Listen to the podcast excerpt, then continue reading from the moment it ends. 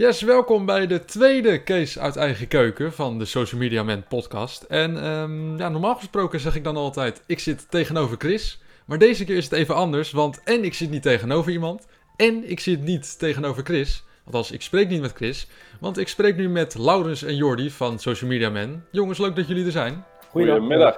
Hi. Hi. Nou, laten we beginnen met Laurens. We hebben jou iets vaker gehoord uh, bij de uh, Social Media Man podcast. Als ik me goed herinner, nog bij de eerste paar keren. Maar uh, kan je een beetje jezelf introduceren? Kan je een beetje zeggen van wat je een beetje doet bij Social Media Man? Jazeker, dat kan ik. inderdaad, mijn naam is Laurens. ook inderdaad al een tijd bezig met de business Social Media Man. Ja, we zijn natuurlijk een aantal jaren geleden gestart met het bedrijf. En ondertussen uh, met een mooi team van uh, ongeveer 10 personen in uh, Amsterdam. En ehm, ja, ik hou me met veel verschillende dingen bezig. nog steeds ook veel met projecten en campagnes. Maar ook met andere zaken die binnen het bedrijf belangrijk zijn. En ehm, nou ja, in die hoedanigheid kan ik mezelf nog steeds goed vermaken. En nou ja, samen met Jordi ook, die ook natuurlijk hier aan tafel zit of aan de digitale tafel ook wat projecten. Dus misschien mooi om meteen een stokje even aan Jordi door te geven. Ja, dankjewel Laurens voor de introductie. En ja, leuk ook dat ik vandaag mag aanschuiven. even een korte introductie over mezelf. Ik ben nu twee jaar werkzaam bij Social Media Man. Nu in totaal ongeveer vijf jaar ervaring in het online marketingvak. En bij Social Media Man hou ik me voornamelijk bezig met het uitvoeren en ook uitdenken van uh, search campagnes en eh, social media strategieën. Um, en daarbij ja, vind ik het eigenlijk het leukst om eh, te werken aan ja, performance campagnes. Dat zijn campagnes waarbij, ehm, ja, waarbij echt het doel is om directe omzet binnen te halen. Um, ja, onder verschillende doelgroepen. En ja, dat doe ik voor verschillende klanten. En nou ja, een van die klanten is ATL Seafood. En ja, daar gaan we wat, wat vandaag over hebben. Uh, en in die, die hoedanigheid ben ik daarom ook uh, aangeschoven vandaag. Dus um, nou ja, leuk om hier te zijn nogmaals. Ja, inderdaad. En de ATL Seafood, daar gaan we het dus over hebben, deze, deze podcast. Uh, voor jou, Laurens. Uh, ATL Seafood, uh, dat is natuurlijk eten. Is gewoon uit de zee. Ja. dus moet denk ik meteen eigenlijk aan vis. Um, heb ik dat correct of is het een heel ander bedrijf? Ja, nou inderdaad, vis, dat, is wel, dat, zijn wel, dat is wel onderdeel van het hoofdassortiment bij ATL. En misschien nog wel goed om eventjes aan te geven dat we als bedrijf natuurlijk, zoals jullie ook in de andere afleveringen vaak te horen krijgen dat we voor uh, verschillende organisaties uh, werken, zowel voor het overheidsstuk, maar ook inderdaad uh, de commerciële bedrijven ondersteunen met wat conversiegerichte campagnes. En ehm, een tijd geleden is inderdaad ATL Seafood bij ons binnengekomen met de vraag of wij hun konden helpen met promotie van de artikelen die ze verkopen. En dan dus echt via een webshop het assortiment op een goede manier proberen te presenteren. En uiteindelijk ja, dat we bepaalde conversies proberen te genereren met de campagnes. En uh, dat was eigenlijk ook voor hun business een nieuwe tak uh, van sport. En uh, Jordi en ik hebben vanuit ja, die hoedanigheid gekeken van nou, hoe kun je bijvoorbeeld online marketing inzetten om dus ehm, ja, het product op een goede manier aan te bieden. Het is natuurlijk misschien ook wel verse vis voor veel mensen een ehm, product wat normaal gesproken op de markt wordt gekocht of bij een vis speciaalzaak. En dat mensen daar ook wel wat vragen bij hebben van, hè, mocht ik dat dan online bestellen, hoe gaat dat dan? Hè? Omdat het natuurlijk gekoeld moet zijn. Um, uh, ja, verse vis is ook wel weer een product hè, waar, niet, waar ook misschien uh, bepaalde specifieke doelgroepen juist uh, van houden. Dus hoe benader je die dan weer?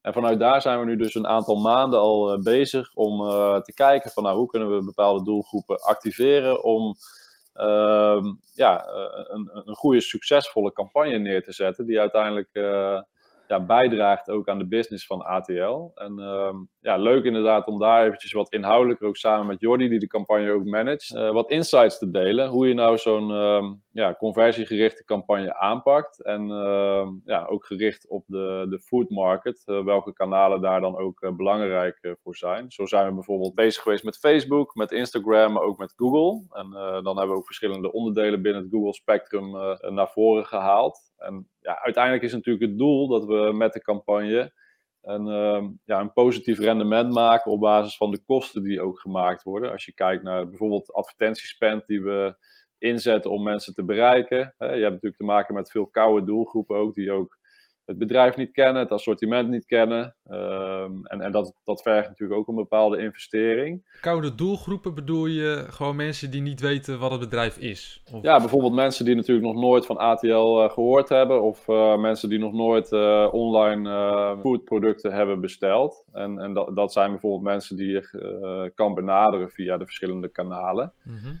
En het kan bijvoorbeeld zijn dat iemand uh, middels een ad op de website komt en dan vervolgens uh, een video bekijkt of uh, in de ad een video bekijkt. En dat wordt dan uiteindelijk ook ja, een wat warmere doelgroep, waarvan de kans dan ook weer wat groter is dat, uh, dat die gaat converteren uiteindelijk naar een, uh, naar een sale. En het leuke is ook, maar daar gaat Jordi zo uh, waarschijnlijk ook wat meer over vertellen, dat, dat je de kanalen ook met elkaar zeg maar, kan laten samenspelen, zodat je ook de krachten kan bundelen en dan gecombineerd hè, met, met goede content, dat je uiteindelijk kan zorgen voor een positief ja, rendement. En met name de laatste tijd zijn we daar goed mee bezig en zie je dat ja, de marketing euro, die we natuurlijk vaak investeren voor onze klanten, dat die nu ook ja, bijdraagt aan het positieve rendement. Dus dat is wel, uh, dat is wel leuk om te zien. En uh, ja, vanuit daar onze ja, kennis en kunde toe te passen om, uh, om dat op een bepaalde manier goed, uh, goed in te richten. Ja, precies. Want Jordi, hoe, hoe, hoe, heb jij van een koude doelgroep een beetje een warme doelgroep gemaakt? Wat heb je allemaal gebruikt qua, qua tools? Nou ja, goed. We zijn dus een paar maanden geleden gestart uh, met deze case. En nou ja, dat bracht eigenlijk al gelijk de nodige uitdagingen met zich mee. En een van die uitdagingen was inderdaad is dat de B2C doelgroep, hè, dat is dus echt de consument, dat dat een nieuwe doelgroep was voor ATL. Uh, ze hebben zich nog niet eerder op die doelgroep gericht. En, want deze doelgroep heeft natuurlijk ook een hele andere behoeftes dan bijvoorbeeld een kok in een restaurant. Dus ja, voor ons was het ook even kijken en, uh, en uitproberen van wat daar dan uh, precies de beste formule voor is. Uiteraard hebben we als bureau wel ervaring met het promoten van webshops, maar dit was toch ook weer een heel specifiek, maar ook mooi product tegelijkertijd. En uh, ja, nou ja, wat we hebben gedaan is, we hebben heel veel verschillende kanalen uitgetest in eerste instantie. Hè, dus zoals collega Laurent zei, we zijn gestart met een Google CA-campagne. Ja, waarom we daarvoor gekozen hebben, is eigenlijk om één reden. Is we zijn gestart met een nieuwe site, maar zo'n nieuwe site heb je nog nul organisch bereik eigenlijk. Hè, omdat je eigenlijk gewoon net start. Dus de zichtbaarheid online was eigenlijk al nihil. En dan is het gewoon uh, altijd de beste keuze om te starten met zo'n CA-campagne. Omdat het voordeel is dat je met uh, Google CA-campagnes dat je direct zichtbaar bent. Ja, en dat, uh, dat hebben we dan gedaan middels een zoekcampagne. Dus op het moment dat je iets intypt, bijvoorbeeld versie vis bestellen, um, Amsterdam, ik noem maar een zoekterm, mm -hmm. dat je dan gelijk bovenaan komt te staan. Maar ook dat je probeert via displaycampagnes um, en shoppingcampagnes ook een beetje awareness creëren uh, rondom, je, rondom je productassortiment. Uh, dus dat was eigenlijk stap 1 waar we mee waren gestart. En toen stap 2, toen, toen maakte je een klein beetje die koude doelgroep een beetje kennis hè, met wat je zei, CA en dan display marketing. En, en, zag je op een gegeven moment ook dat ATL Seafood wat, wat bekender werd bij de doelgroep? Of, of hoe, hoe lang duurde dat? Ja, nou ja, naarmate je een tijdje bezig bent, bouw je steeds meer data op van je doelgroep. Hè? Uh, ik vergat er nog bij aan toe te voegen uh, net, is dat, je, uh, dat we ook via Social Media Man gestart waren met het promoten van video's. Hè? Met video's, het doel van, van een video is dat je wat langer probeert de aandacht vast te houden van een doelgroep, zodat diegene ja, een klein beetje een beeld krijgt bij wat, wat het bedrijf doet. Dus we hadden bijvoorbeeld een hele mooie video uh, waarbij je dan eigenlijk het, het hele uh, koopproces in, beeld zag. Dus op het moment dat iemand bestelt, wat gebeurt er dan? Uh, direct de ATL, de vis komt uit het water, vervolgens gaat hij naar de visafslag en wordt hij daar verwerkt en bezorgd aan de deur. Ja, dat waren allemaal advertenties die, ja, die, die de consumenten een goed beeld gaf over ja, hoe het proces in werk gaat. En dat is denk ik in de beginfase vooral belangrijk. En naarmate dus dat je meer data opbouwt en ook ziet waar de eerste paar aankopen vandaan komt. Deze case viel bijvoorbeeld op dat er heel veel producten juist in Amsterdam werden verkocht. En dus dat daar ja, de grootste groep van de doelgroep gecentraliseerd was. Dus dan ga je, wat je dan doet, is dat je ga je campagnes ook steeds meer fine-tunen op basis van uh, die uh, aankoopgegevens die je dan op een gegeven moment opbouwt van zo'n consument. Merk je dan dat er ook de conversie omhoog gaat? Of denk je van, nou, dat valt nog op zich best wel mee? Of hoe zit dat? Nou ja, ik uh, kan wel zeggen dat er de laatste weken, dus eigenlijk helemaal maand december, uh, dat het aantal aankopen echt door het dak is gegaan. We waren al wat lekker, we waren al wel lekker bezig de laatste tijd. Maar met name in uh, december is echt de, de conversie wel verhoogd met 400, 400 procent. Zo. Ja, dus dat zijn natuurlijk gewoon hele mooie cijfers. Ja, precies. Want ja, ga maar daar bij jezelf. Een, een lekker visje bij de kerst. Ja, nee, natuurlijk. En daar hebben we natuurlijk ook uh, mooi op ingehaakt. En daar is dan eigenlijk social media en dan social media uh, weer uh, perfect voor. Hè? Omdat je daar natuurlijk op basis van je productassortiment ook weer hele leuke, ja, feestelijke advertenties kan opmaken. En ja, middels mooie beelden. Hè? Want dat is echt toch ook wel key hè? om een goede social media strategie uit te voeren. Is het hebben van goed mooie beelden van de producten. Nou, die zijn gemaakt, hè, samenwerking met ATL. Uh, hele fijne samenwerking tot zover. En um, nou, die hebben wij vervolgens gedistribueerd, die mooie beelden. Met een leuke vrolijke tekst erbij. En in combinatie met een sterke landingspagina waarop al die producten die echt specifiek lekker zijn voorbij, voorbij de kerst, om die te promoten. Dus ja, dat heeft gewoon goed gewerkt. Wat ik me nog wel even afvoer, even inhoudelijk nog uh, misschien uh, voor, voor de luisteraars. Uh, Jordi, zeg maar ja. het, het Google-verhaal. Zou je nog wat meer kunnen vertellen over dat shopping-gedeelte? Want dat is natuurlijk ook wel een interessant iets. Um, want veel, veel bedrijven doen natuurlijk aan, aan AdWords-campagnes. Maar misschien dat shopping-gedeelte is voor, voor, voor, voor veel bedrijven nog wel iets, ja, niet iets onbekends. Maar misschien wel iets wat ze nog niet inzetten. En wat ook de voordelen daarvoor zijn geweest voor ATL bijvoorbeeld. Kan je daar nog iets over vertellen? Um, Jazeker. Um, nou, het, het, grote voordeel eigenlijk voor ATL om, voor het gebruik van een Google Shopping campagne is uh, in eerste instantie was dat ook, naast dat het um, heel erg bijdraagt aan de conversie, is dat het ook uh, tegelijkertijd veel awareness oplevert. Moet je voorstellen, zo'n shopping campagne, zo'n shopping advertentie moet ik zeggen, die wordt getriggerd bij heel veel verschillende soorten zoektermen. En, uh, en dat kan al bijvoorbeeld uh, zijn wanneer iemand uh, typt naar een Black Tiger kanaal. Dus op het moment dat iemand ja, eigenlijk daar al naar op zoek is, dan heb je al kans dat zo'n shopping advertentie verschijnt. En ja, daarmee ja, bouw je wel in zekere zin een bepaalde naamse bekendheid op. want mensen hoeven er niet eens op te klikken om al te zien dat het een product is van ATL Seafood. Daarnaast het andere voordeel is dat je überhaupt pas betaalt uh, op het moment dat iemand klikt op zo'n advertentie. Hè, dus uh, iemand typt, zo'n, uh, typt een zoekterm in Black Tiger kanaal, ziet de advertentie, klikt erop, dan ga je pas betalen. En ja, door, zo, door dat iemand erop geklikt, dan kan je ervan uitgaan dat diegene een zekere koopintentie heeft. En ehm, ja, dat soort mensen zijn natuurlijk uh, heel relevant om op je website te hebben, omdat uh, ja, de, de, kans groter is dat, dat zo'n iemand een, een, bestelling gaat plaatsen. -hmm.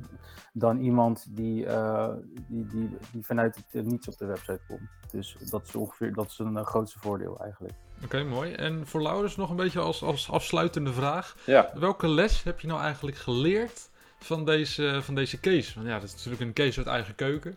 Maar ja. wat, wat, hebben, wat hebben we nou eigenlijk geleerd? Of hebben we überhaupt iets geleerd? Of... Nou ja, we leren natuurlijk altijd uh, van, uh, van, van de cases die we draaien. Ja, wat je ziet is dat, dat je toch, als je ook begint met niets, dat het toch ook eventjes uh, een aanlooptijd nodig heeft. Hè? Want wij uh, praten vaak ook over funnels. Dat is natuurlijk in ma marketinglandschap ook wel een uh, bekend, uh, bekend iets. Dat is ook niets nieuws. Facebook zegt ook hè, vanuit de drie fases: awareness, consideration, conversion. Maar wat je toch vaak ziet is dat het ook belangrijk is dat je ook je doelgroep opwarmt voordat je echt overgaat naar een conversie. Dat je door middel van te testen met verschillende kanalen en verschillende beelden uiteindelijk tot een goede succesformule komt.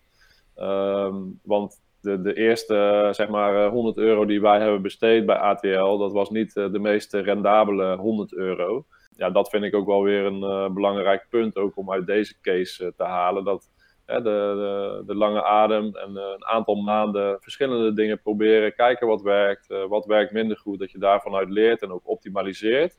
Om uiteindelijk ook weer het maximale rendement uit die marketing euro te halen.